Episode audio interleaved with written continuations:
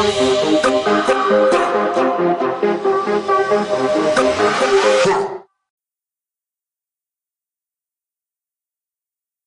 selamlar. Güzel bir cumartesi akşamından kontrol odası yayınında hep beraber beraberiz.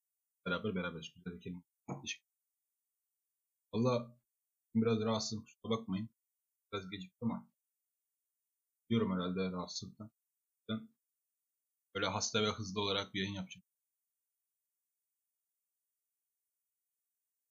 Nasılsınız arkadaşlar? Hoş geldiniz tekrardan yayına. 7 kişiyiz burada.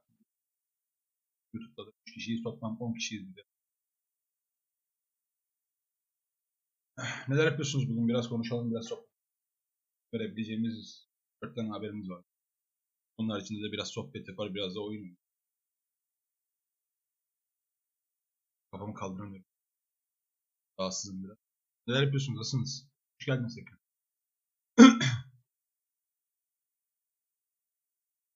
Moderatörlerimiz zaten burada. Berken Erçilek buralar. Halil de burada. Gökberk burada. Bilmiyorum. Allah selam. Ve Haydar selam. Hoş geldin kardeşim.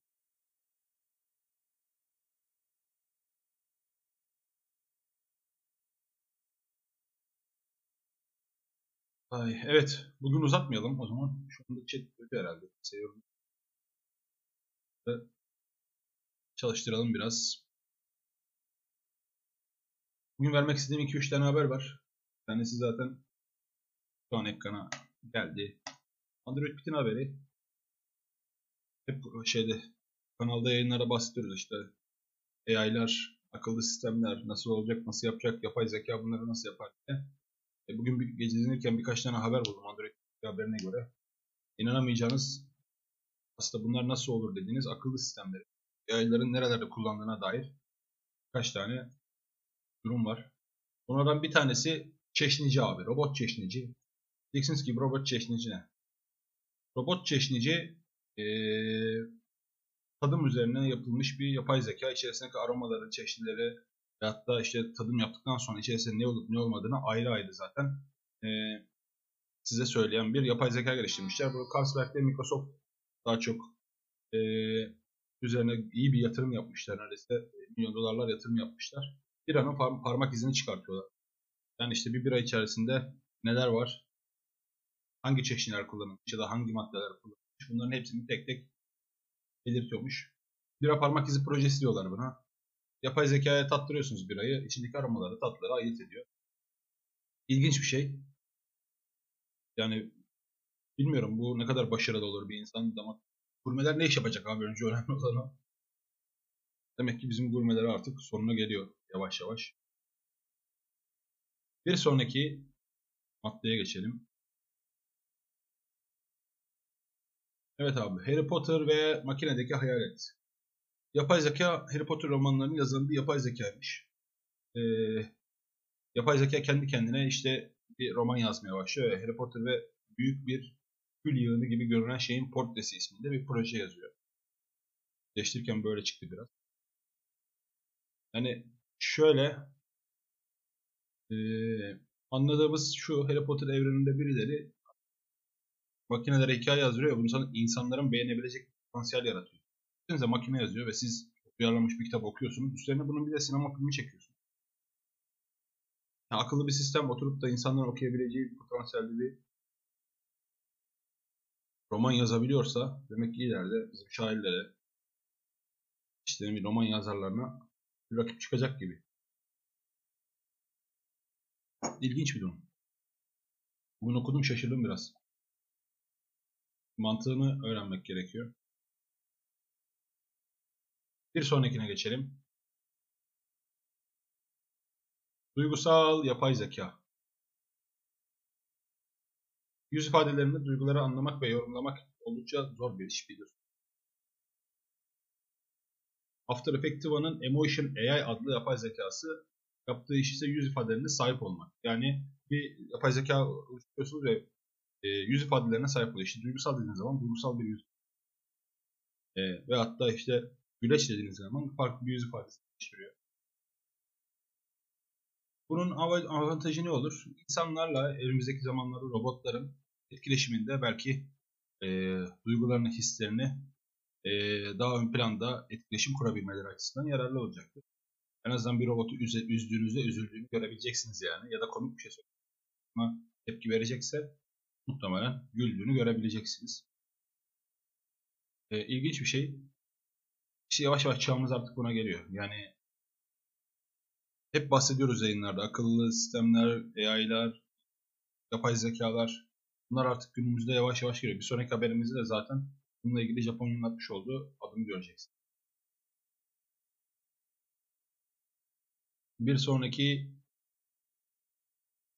başlık yapay zekaların rüya görebildiğini derin rüya oluşturucu bir yapay zeka geliştirilmişler. Yani derin rüya oluşturucu. Biraz böyle. Bir mühendisi geliştirmiş. Alexander Morbintsev mi öyle birisi? Yapamadım adı. Adamın da amacı şuymuş. Hani bir görüntüye baktığımızda derin nöral ağda neler olduğunu anlamak konusunda yardımcı olmak. Hani işte psikodelik ve e, rüya görüyormuş hissi yaratan yapay zeka bunu bir resme çekiyor ve size yayınlıyor. Zaten projeyi de insan ve yapay zekanın işbirliği projesi olarak adlandırılmış. Ee, başarılı. Yapay zekanın rüya görüp onu yorumlaması gerçekten iyi bir şey. Ama hani bir insanın rüya görüp onu yorumlaması zaten geceleri uyuduğumuzda rüyaları hatırlamıyoruz. Biraz ilginç gibi geliyor. Şeyin rüyayı nasıl yapıyormuş? Yani bir algoritmayla yapay zeka işte o gün ona gösterdiğin objeler arasında bir bağlantı kurup bunu rüya olarak yorumlayabiliyormuş ve bunun bir resmini çıkartıyor sana. Yani işte bugün yapay zekaya bir şeyler, araba, ev, işte çocuk bunların hepsini bir araya getirdiğin zaman bu sana bir rüya olarak yorumluyor.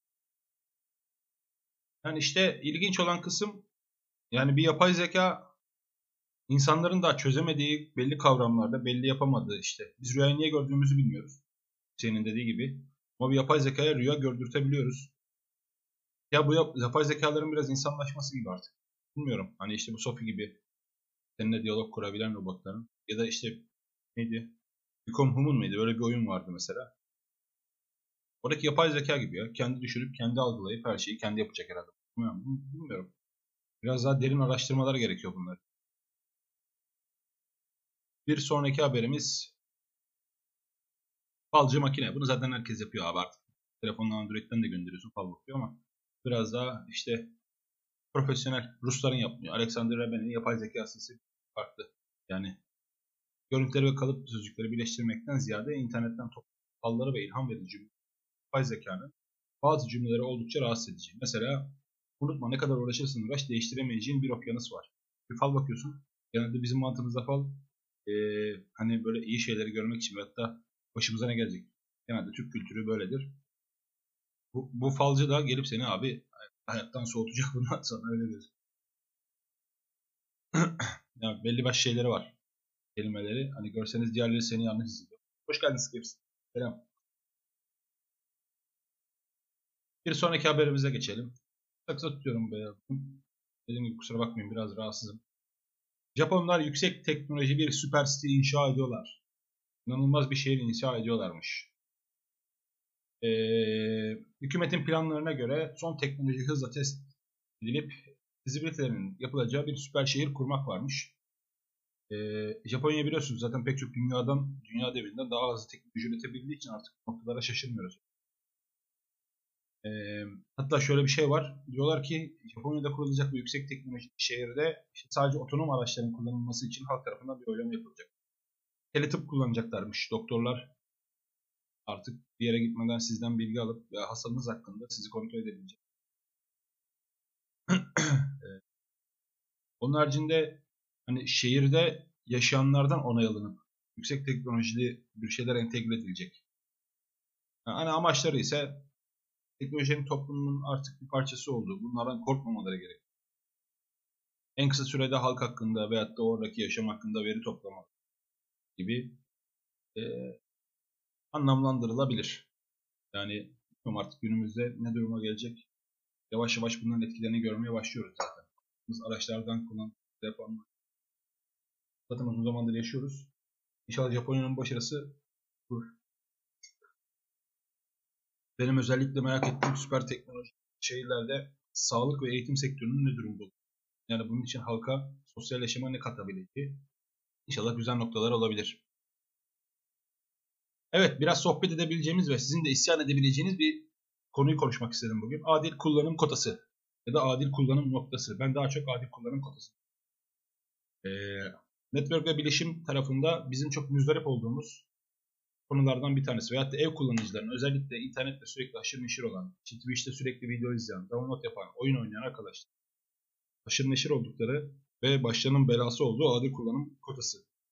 Son dönemlerde bu zaten 2019'un Ocak ayı ile itibaren BTK'nın almış olduğu e, yasaya göre yani çıkardığı yönetmeliğe göre adil kullanım kotasını kaldırıyorlar. Ama e, bize artı olarak ne katacak onu bilmiyorum. Çünkü servis yavaşlatmaları var gibi bir e, söylem var.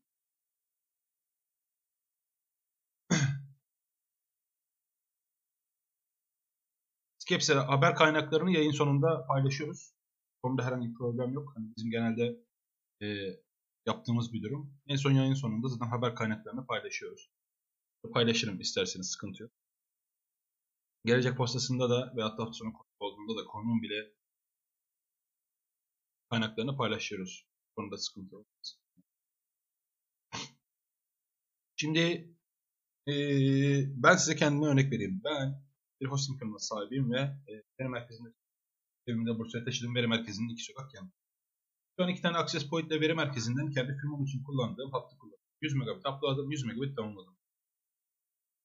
Herhangi bir adı kullanım kotasına takılmıyorum veyahut da herhangi bir DNS işte engelleyici, devletin yasaklama, yasakladığı işte Wikipedia'ydı şimdi açtılar ama gibi normalde yasaklayıcı DNS'lerle zaten bir bağım yok yani. Herhangi tamamen bağımsız bir internet kullanıyorum.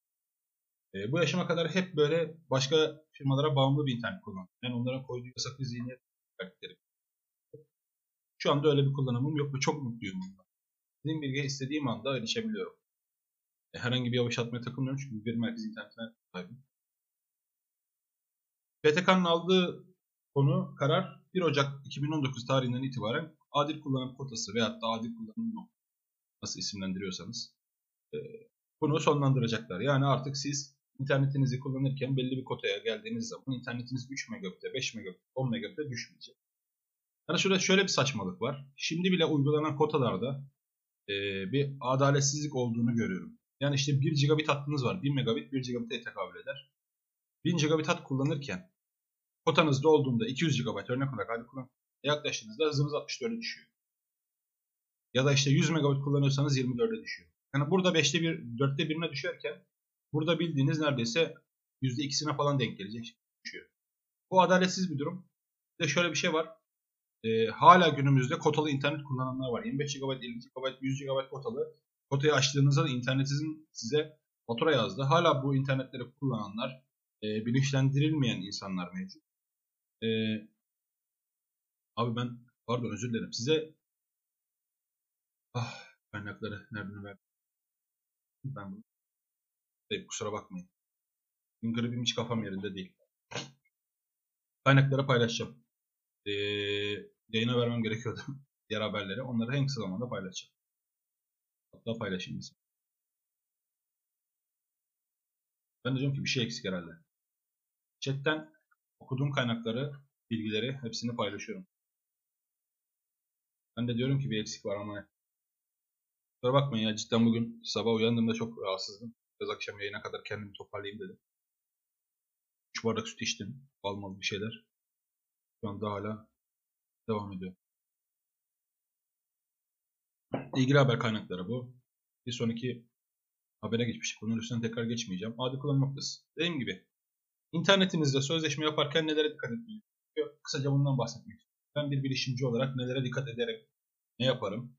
Bir kere biz sürekli yayın yaptığımız için ya da siz yayın yapacaksanız veya bir yere sürekli dosya yükleme gereksiniminiz varsa upload hızınıza çok dikkat edin. 50 megabit internet alırken 1 megabit upload hızını vermek adil bir şey değil. Ülke olarak da yani tabiri caizse caiz bir şey değil ya. Yani 50 megabit internet download kullanabiliyorsunuz ama 1 megabit upload yapıyorsunuz. Böyle bir mantık dışı uygulama yok. Neden yani? Adamın zaten bir port veriyorsun. Yeri geldi mi 20 liraya roket satıyorsun. Günlük 100 megabit upload, 100 megabit download. Demek ki bu sistemi karşılayabiliyorsun. Kardeşim bunu ver. Ver bunu yani. Niye vermiyorsun? Türk Telekom'un, Süper Online'ın genelde yapmış olduğu bu. Gerçi Süper Online açıklama yaptı artık biz kaldırıyoruz adi kullanım kotasını ama Berke'nin de dediği gibi kotalıya geçiş olacakmış. Yani 100 GB kullanırsanız üstüne para ödeyeceksiniz. Ya yurt dışında şimdi şöyle bakalım. Türkiye'nin internet hızı.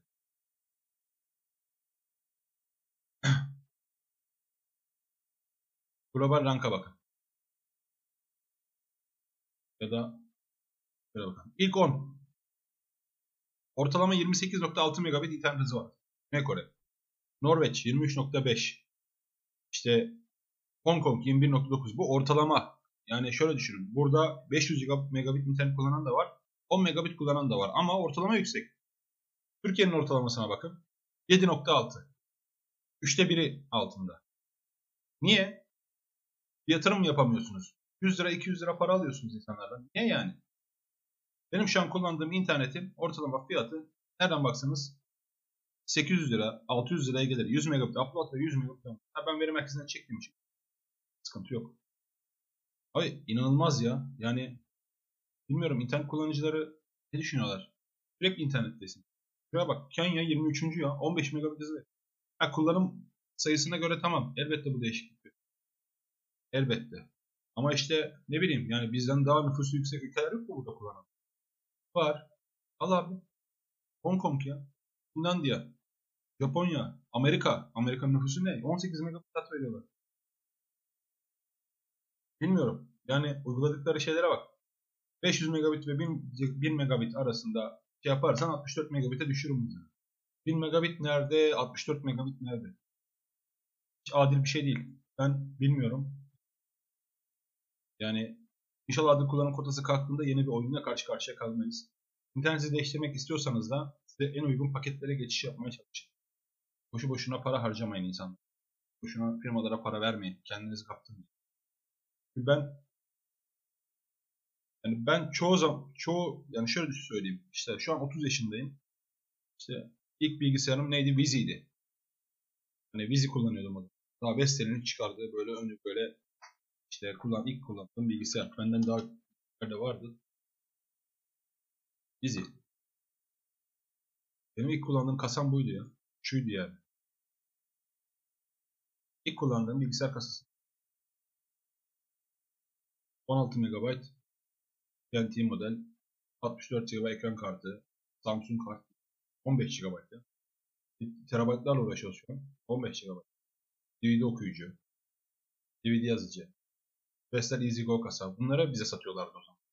İlk kullandığım kasa buydu. Şimdi teknoloji aldı gitti. Bu bilgisayarı 100 liraya alırsınız. 20 bin liraya yeni kasa toplamaya kalksam 20 bin lira. Niye? İhtiyacımız da. Zaten donanım pahalı. Zaten dolara endeksi bir donanım alımı yapıyoruz. Normal. Umarım teknoloji geliştikçe Türkiye'de bunlara erişimimiz kolay olur. Fiyatlar ucuz olur. Bir Türk yatırımcının teknolojiye yatırım yapması inşallah olur. Gelir yani karşımıza. Bunları görebilmek bizi mutlu eder muhtemelen.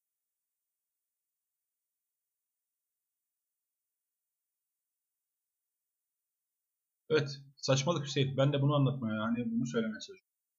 Çok arkadaşımla da konuştum. Bilmiyorum ya. Nasıl olacak? En azından sonumuz ya da internet kullanımımız önümüzdeki günlerde nasıl şekillenecek? Merak ediyorum. Kullandığımız kasalar ya. Hepiniz kullanmışsınızdır bunu. Bilgisayarla haşır neşir olan.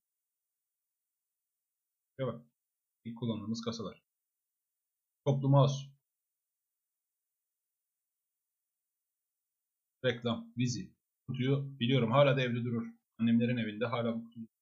Zaman zaman nostalji yapıyorum onu.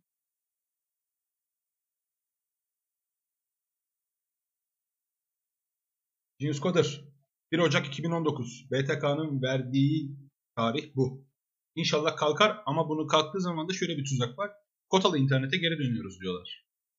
Telekom kotalı internet koyacakmış. Zaten Türk malı değil artık. Sattığınız Katarlara bir de kota koysunlar. Bizi iyice sömürsünler.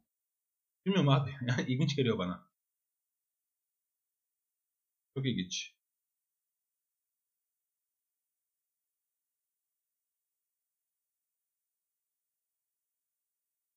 Bakalım artık ne olacak. Benim speed test sonucumu görmek isterseniz ben kullandığım internetin testini göstereyim.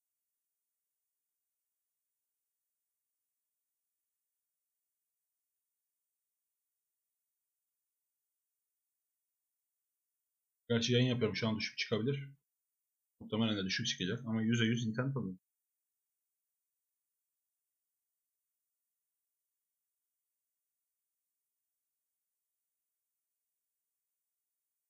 Niye bu interneti herkes kullanıyor? Ben yani bunu. Şeyi ne? Sorunu ne? Allah aşkına bir speed test yapın ya. Ben internete para vermiyorum için Usecoder. Ben ücretsiz kullanıyorum. Kendi hosting firmam var. O yüzden kendi firmam altyapısını göstereyim.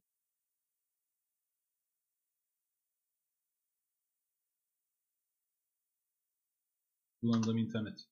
Yap bir speed test bak. Yapın bir speed test bakın. Ben şu an bunu kullanıyorum.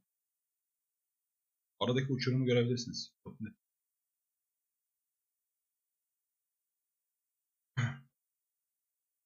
Abi serbest pazar olmamalı. Tavan ve taban fiyat olmalı. Ve belirli tarifeler olmalı. Serbest pazar ol. Yani şunu düşünüyorum. Ya da şunu şöyle düşünebilirsiniz arkadaşlar. Bakın iyi hizmet verenden mi internet alırsınız? İyi altyapı sağlayandan mı? Bunu bir soruyorum size ya. Bana bir cevap yazın chatten. İyi hizmet sağlayandan mı internet alırsınız? İyi altyapı sağlayandan mı?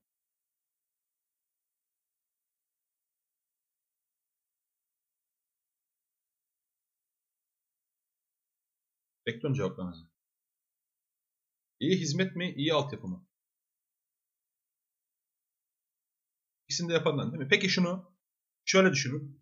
Devlet her şeyde bir standart çıkartıyor değil mi? İşte biz firma olarak global ve kurumsal firmalarla çalışabilmek için örnek olarak ISO belgesi almamız gerekiyor. Telekom'undan Süper Online'ına bütün internet servis sağlayıcılarında bir ISO belgesi alması şart. Zaten kurumsal bir firmaysanız bunu yapacaksınız. Önemli olan şu. Devlet olarak sen bir prosedür çıkartırsın. Dersin ki kardeşim internet servis sağlayıcıların bundan sonraki vermek, vermek istedikleri minimum altyapı hizmeti bu olacak. Değil mi? Sen ülkende altyapıyı standartlaştırırsın. Dersin ki hiçbir operatörün birbirinden ayrı yatırım yapması veyahut da internet altyapısını yatırım yaparken diğerlerini ezmesi gibi bir kural yok diyeceksin. Tamam mı? Bütün altyapıyı vereceksin abi. Standart bir prosedür. Diyeceksin ki bunları uygulayacaksın. Bundan başka hiçbir şey yapmayacaksın. İşte her yere fiber çekeceksin. Bitti. Devletin yaptırımı. Diyecek ki işte şu projelendirme bu. BTK tarafından projelendirildi. 12 ayda bunu yapacaksın.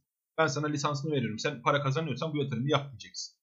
Sonra sadece iyi hizmet verenden internet alacaksınız. Altyapı zaten standart olacak. Yani yurt dışında şöyle. Adam işte ben mesela tanıyorum. Şimdi mesela Cevdet Hoca ile ya da Burak burada olsaydı yurt dışındaki internet standartlarını size anlatsaydı. Ben Hollanda'da birini tanıyorum. Adamın evine 100 megabit'e 100 megabit internet geliyor ve müşterilerine evinden server kurup öyle hizmet veriyor bu adam. Ben niye gidip bir veri merkezinden bir hat kiraladığımda 500-600 lira para veriyorum sadece 100 megabit'e? Ve bunun için firma olmam gerekiyor. Adam ya bireysel freelance iş yapıyor evinde 100 megabit internet müşterisine şey veriyor, hizmet veriyor. Standart olmalı. Yani ülkenin temelinde teknoloji mi? Evet teknoloji. İnternet mi? İnternet bizim için önemli. Bütün devlet daireleri, kamu kurulumları, şirketler, bankalar herkes internetle çalışıyor artık. Bankacılık sektöründe dünyada en öndeyiz teknoloji olarak. Yurt dışında bizim gibi şeyler yok yani böyle mobil uygulamalar, bankaların geliştirdiği bizimkiler kadar gelişmiş değil elbette var. Ama bir standart yok. Çünkü rekabet ve bundan para. Yani hal yanlış. Altyapı iyi olacak, kesintin olmayacak port noktaların, pop noktaların, kurulumların devlet standartlarına, prosedürlerine göre belli olacak. Buna göre uyacaksın. Bence böyle olmalı. Yani bunu yapmalıyız. Ülke olarak da bunu yapmalıyız. Belirli standartlar olmalı. İnternet altyapısı. Evet. Bugün Twitch'e girin herkes yayın yapıyor. Burada 3 megabit internette yayın yapmaya çalışıyor insanlar. Abi ver gir yabancıları izleyin. Yabancıların verdiği 1080p 4K yayın veriyorlar ya. 4K. Benim ülkemdeki çocuklar niye vermiyorlar bunu? Şey sen 20K görüyorsun. Bak benim 1 ms. Ping'im 1 ms. Daha Steam'den az önce oyun indirdim. Ben sana söyleyeyim. Steam'den az önce oyun indirdim. En yüksek 9.9 megabitle indirdim oyunu. Toplam süresini söyleyeyim mi? Ne kadar sürmüş? 5 GB oyun indirmişim. Tamam mı? Toplam süre 6 dakika falan sürmüş. 6 dakikaya 100 megabitle indiriyorum. Siz niye indiremiyorsunuz yani? Hani ne yani?